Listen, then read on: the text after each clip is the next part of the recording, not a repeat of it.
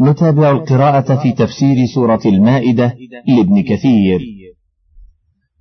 وما اعتدينا أي فيما قلنا فيهما من الخيانة إنا إذا لمن الظالمين.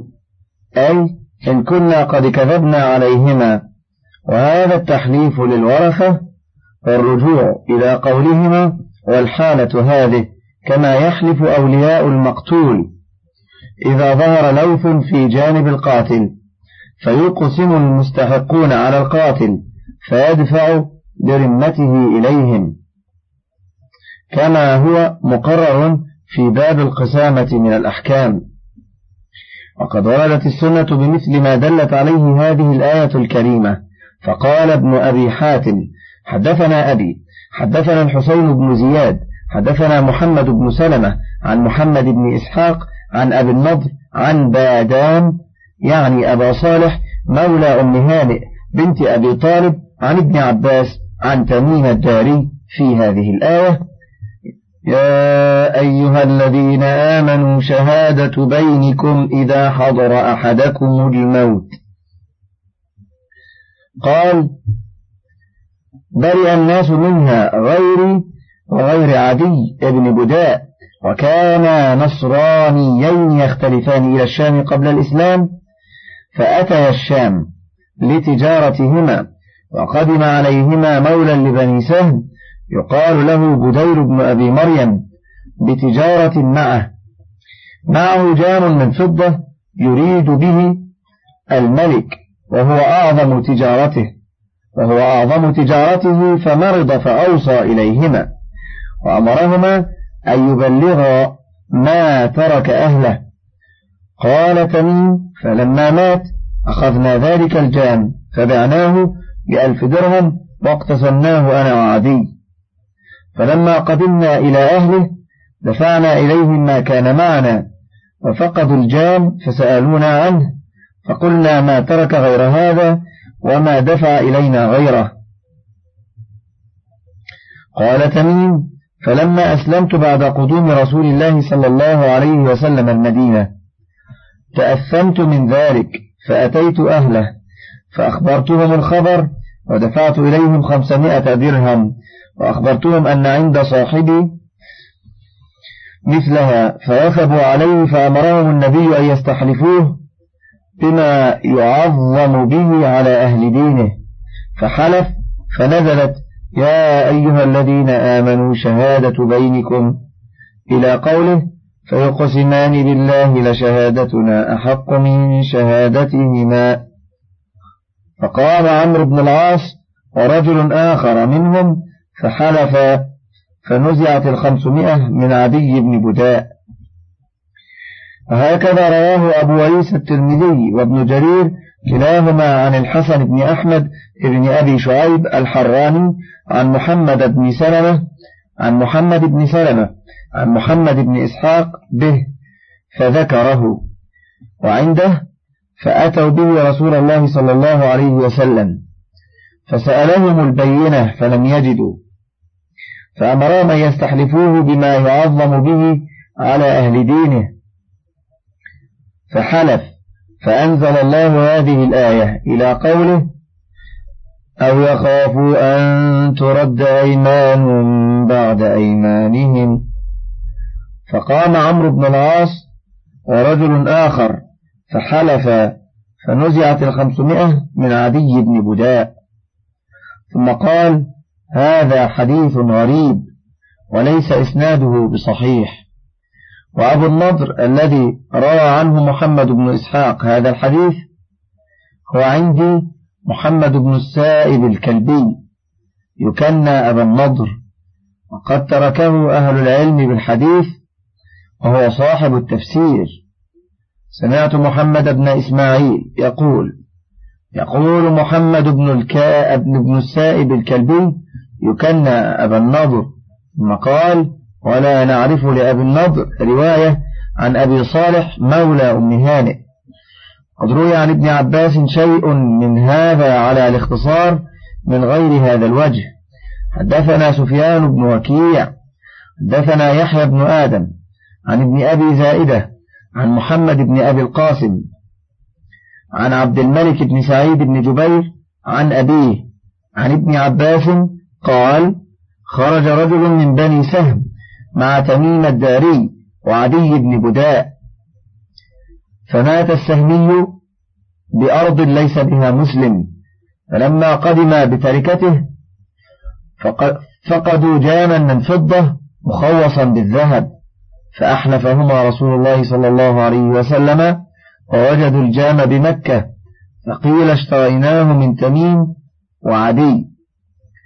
فقام رجلان من أولياء السهمي. فحلفا بالله لشهادتنا أحق من شهادتهما وأن الجام لصاحبهم وفيهم نزلت يا أيها الذين آمنوا شهادة بينكم الآية. وكذا رواه أبو داود عن الحسن بن علي عن يحيى بن آدم به ثم قال الترمذي هذا حديث حسن غريب وهو حديث ابن أبي زائدة. ومحمد بن أبي القاسم الكوفي. قيل إنه صالح الحديث. وقد ذكر هذه القصة مرسلة. غير واحد من التابعين. منهم عكرمة ومحمد بن سيرين وقتادة. وذكروا أن التحليف كان بعد صلاة العصر. رواه ابن جرير. وكذا ذكرها مرسلة مجاهد والحسن والضحاك. وهذا يدل على اشتهارها في السلف وصحتها. ومن الشواهد لصحة هذه القصة أيضا ما رواه أبو جعفر بن جرير حدثني يعقوب حدثنا هشيم قال أخبرنا زكريا عن الشعبي أن رجلا من المسلمين حضرته الوفاة في دقوق هذه. قال فحضرته الوفاة. ولم يجد أحدا من المسلمين يشهده على وصيته فأشهد رجلين من أهل الكتاب. قال فقدم الكوفة فأتيا الأشعرية يعني أبا موسى الأشعري رضي الله عنه فأخبراه وقدم الكوفة بتركته ووصيته. فقال الأشعري هذا أمر لم يكن بعد الذي كان على عهد رسول الله صلى الله عليه وسلم. قال فأحلفهما بعد العصر بالله ما خان ولا كذب ولا بدل ولا كتم ولا غير وإنها لوصية الرجل وتركته. قال فأمضى شهادتهما. ثم رواه عن عمرو بن علي الفلاس عن أبي داود الطيالسي عن شعبة عن مغيرة الأزرق عن الشعبي أن أبا موسى قضى به وهذان إسنادان صحيحان إلى الشعبي عن أبي موسى الأشعري. فقوله هذا أمر لم يكن بعد الذي كان على عهد رسول الله صلى الله عليه وسلم الظاهر والله أعلم أنه إنما أراد بذلك قصة تميم وعدي بن بداء وقد ذكروا أن إسلام تميم بن أوس الداري رضي الله عنه كان سنة تسع من الهجرة فعلى هذا يكون هذا الحكم متأخرا. يحتاج مدعي نسخه إلى دليل فاصل في هذا المقام والله أعلم. وقال أسباط عن السدي في الآية يا أيها الذين آمنوا شهادة بينكم إذا حضر أحدكم الموت حين الوصية اثنان ذوى عدل منكم. قال هذا في الوصية عند الموت. يوصي ويشهد رجلين من المسلمين على ماله وما عليه. قال هذا في الحضر أو آخران من غيركم في السفر. إن أنتم ضررتم في الأرض فأصابتكم مصيبة الموت. هذا الرجل يدركه الموت في سفره وليس بحضرته أحد من المسلمين. فيدعو رجلين من اليهود والنصارى والمجوس فيوصي إليهما ويدفع إليهما ميراثه فيقبلان به. فإن رضي أهل الميت الوصية وعرفوا ما لصاحبهم تركوهما. وإن ارتابوا رفعوهما إلى السلطان. فذلك قوله تعالى تحبسونهما من بعد الصلاة فيقسمان بالله إن ارتبتم. قال عبد الله بن عباس رضي الله عنه كأني أنظر إلى العلجين حين انتهي بهما إلى أبي موسى الأشعري في داره ففتح الصحيفة فأنكر أهل الميت وخوفوهما. فأراد أبو موسى أن يستحلفهما بعد العصر فقلت إنهما لا يباليان صلاة العصر ولكن استحلفهما بعد صلاتهما في دينهما. فيوقف الرجلان بعد صلاتهما في دينهما فيحلفان بالله لا نشتري به ثمنا قليلا ولو كان ذا قربى ولا نكتم شهادة الله إنا إذا لمن الآثمين أن صاحبهم لبهذا أوصى وأن هذه لتركته. فيقول لهما الإمام قبل أن يحلفا إنكما إن كتمتما أو خنتما فضحتكما في قومكما ولم تجز لكما شهادة وعاقبتكما. فإذا قال لهما ذلك فإن ذلك أدنى أن يأتوا بالشهادة على وجهها. رواه ابن جرير.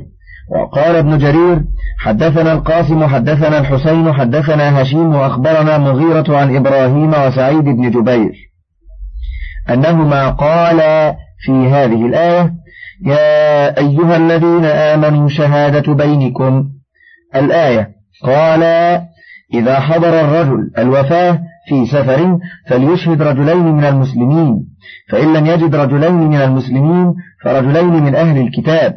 فإذا قدما بتركته فإن صدقهما الورثة قبل قولهما وإن اتهموهما حلفا بعد صلاة العصر بالله ما كتمنا ولا كذبنا ولا خنا ولا غيرنا.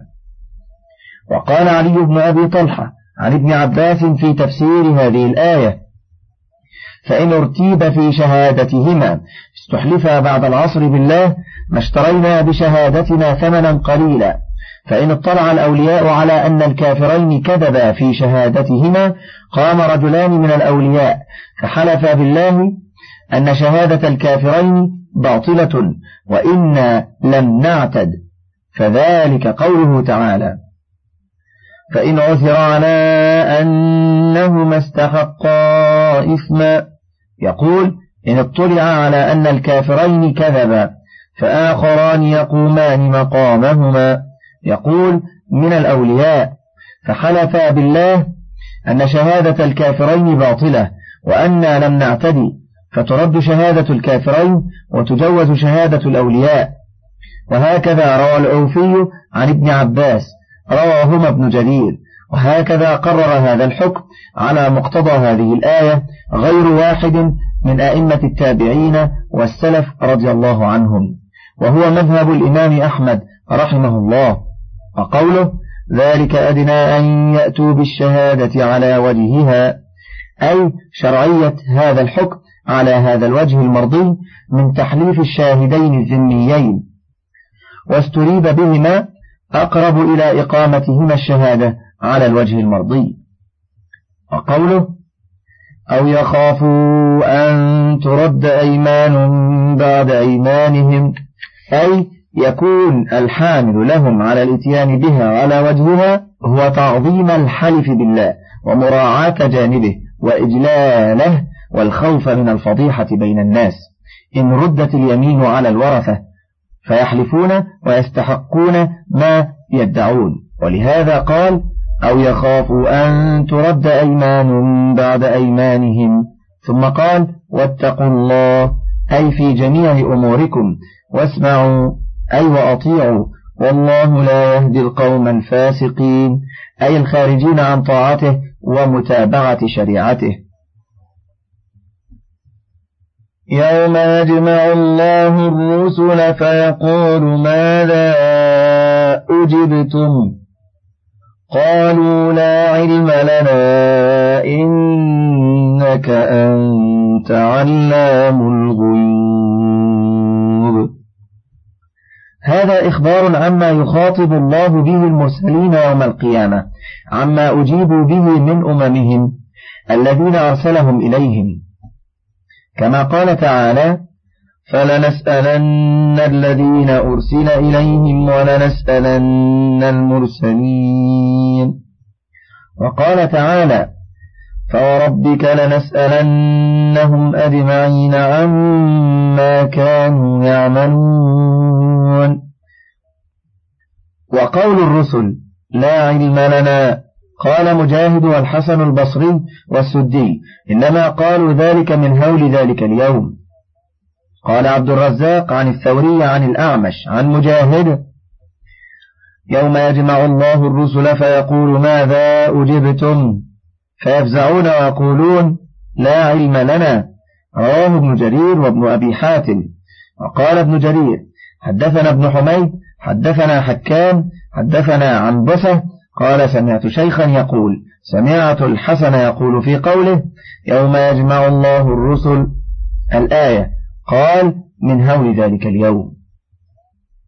وقال أسباط عن السدي يوم يجمع الله الرسل فيقول ماذا أجبتم؟ قالوا لا علم لنا.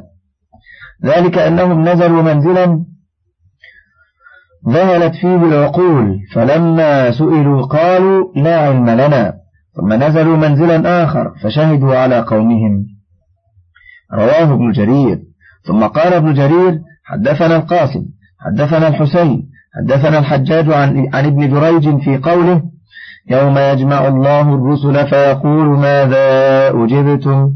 أي ماذا عملوا بعدكم وما أحدثوا بعدكم؟ قالوا لا علم لنا إنك أنت علام الغيوب. وقال علي بن أبي طلحة عن ابن عباس يوم يجمع الله الرسل فيقول ماذا أجبتم؟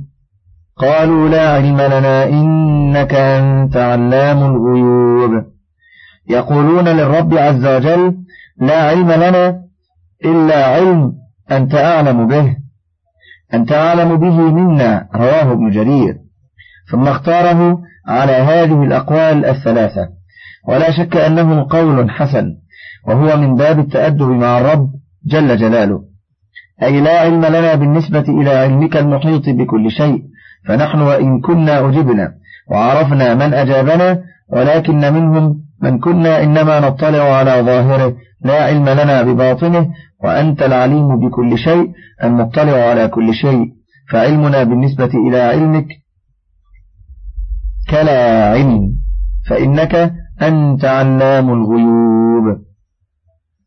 إذ قال الله يا عيسى بن مريم اذكر نعمتي عليك وعلى والدتك إذ أيدتك بروح القدس تكلم الناس في المهد وكهلا.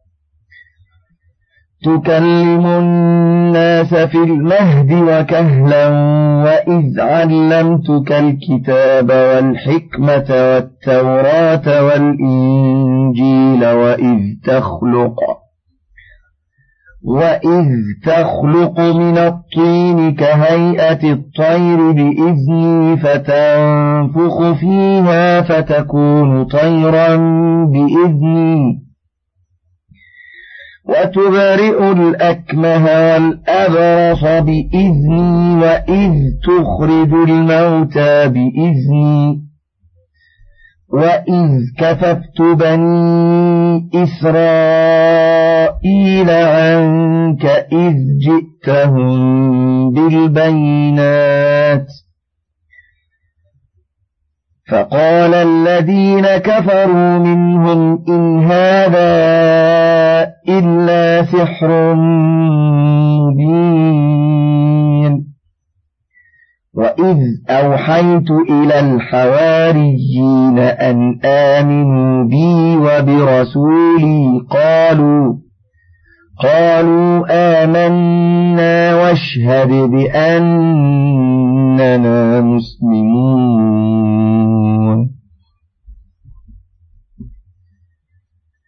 يذكر تعالى ما من به على عبده ورسوله عيسى بن مريم عليه السلام مما أجراه على يديه من المعجزات الباهرات وخوارق العادات.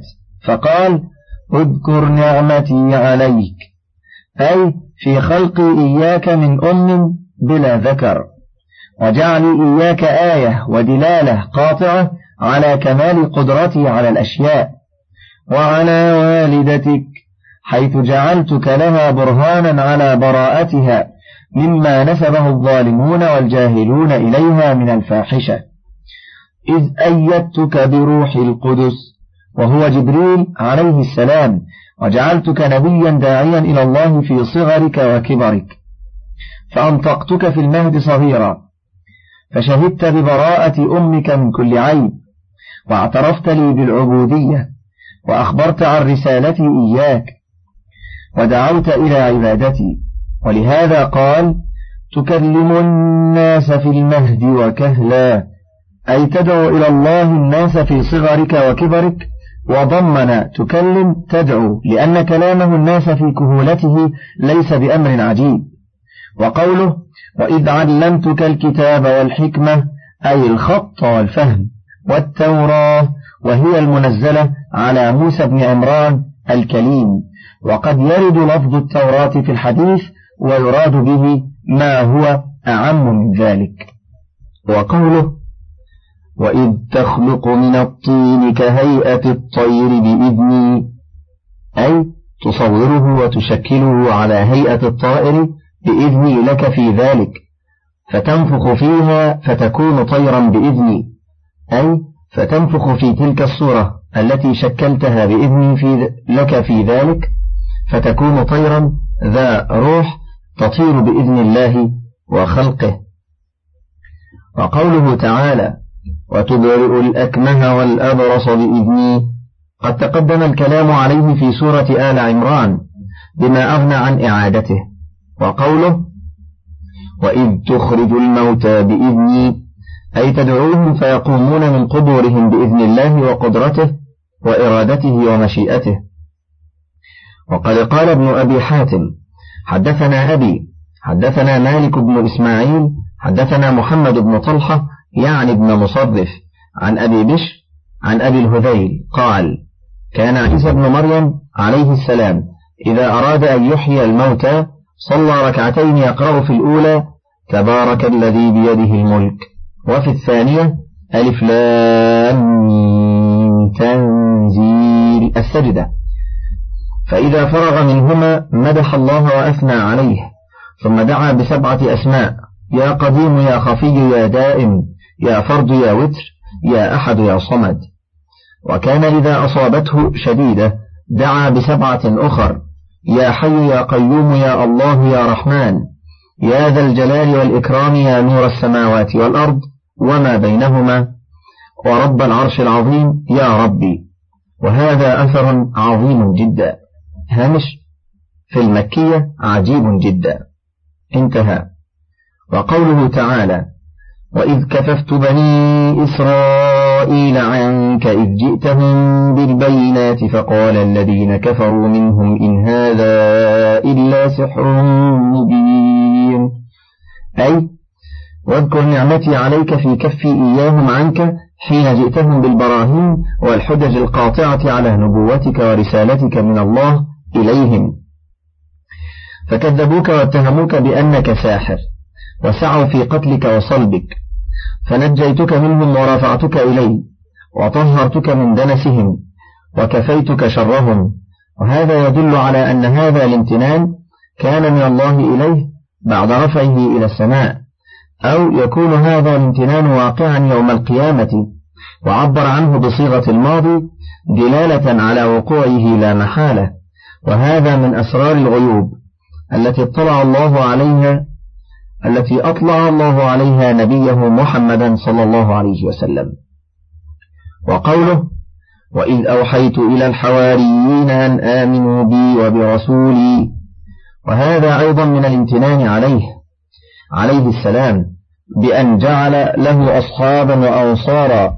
ثم قيل إن المراد بهذا الوحي وحي إلهام كما قال تعالى وأوحينا إلى أم موسى أن أرضعيه الآية وهو وحي إلهام بلا خلاف. وكما قال تعالى وأوحى ربك إلى النحل أن اتخذي من الجبال بيوتا ومن الشجر ومما, يعرش ومما يعرشون. ثم كلي من كل الثمرات فاسلكي سبل ربك ذللا. الآية. وهكذا قال بعض السلف في هذه الآية.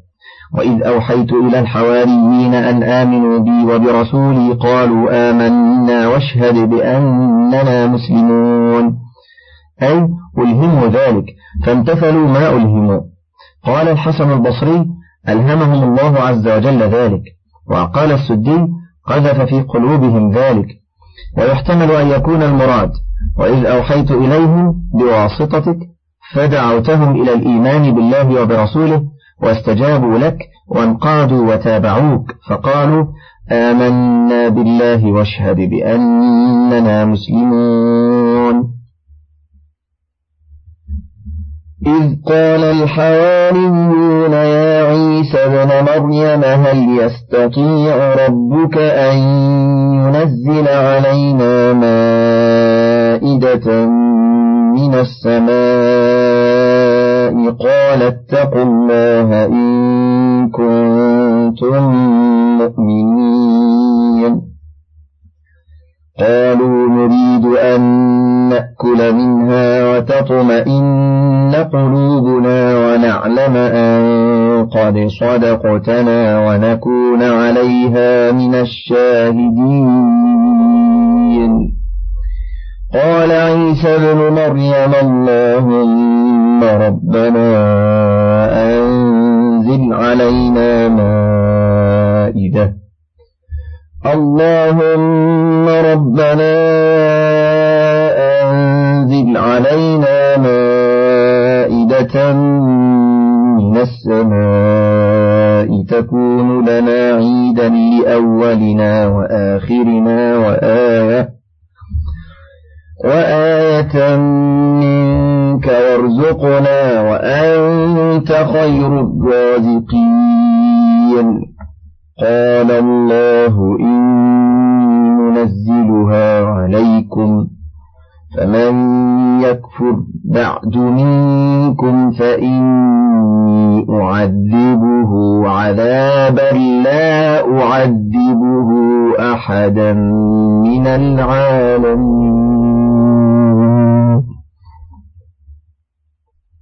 هذه قصة المائدة وإليها تنسب السورة فيقال سورة المائدة وهي مما امتن الله به على عبده ورسوله عيسى لما أجاب دعاءه بنزولها فأنزل الله آية باهرة وحجة قاطعة.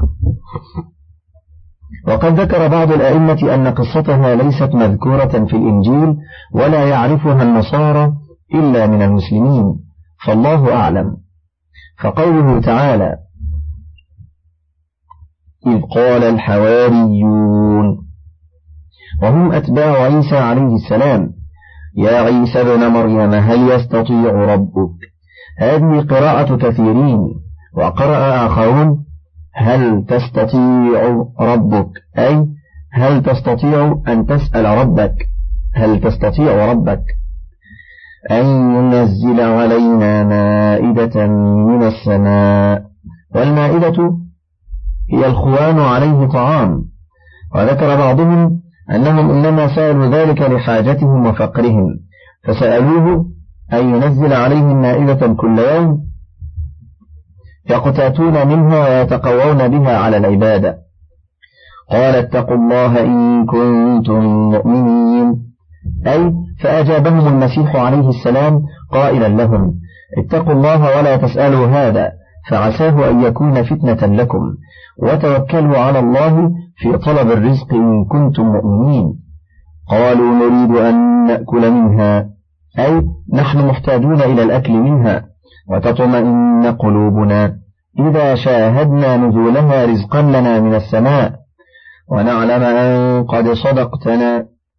ونعلم أن قد صدقتنا. أي ونزداد إيمانا بك وعلما برسالتك. ونكون عليها من الشاهدين. أي ونشهد أنها آية من عند الله ودلالة وحجة على نبوتك وصدق ما جئت به. من فضلك تابع بقية المادة.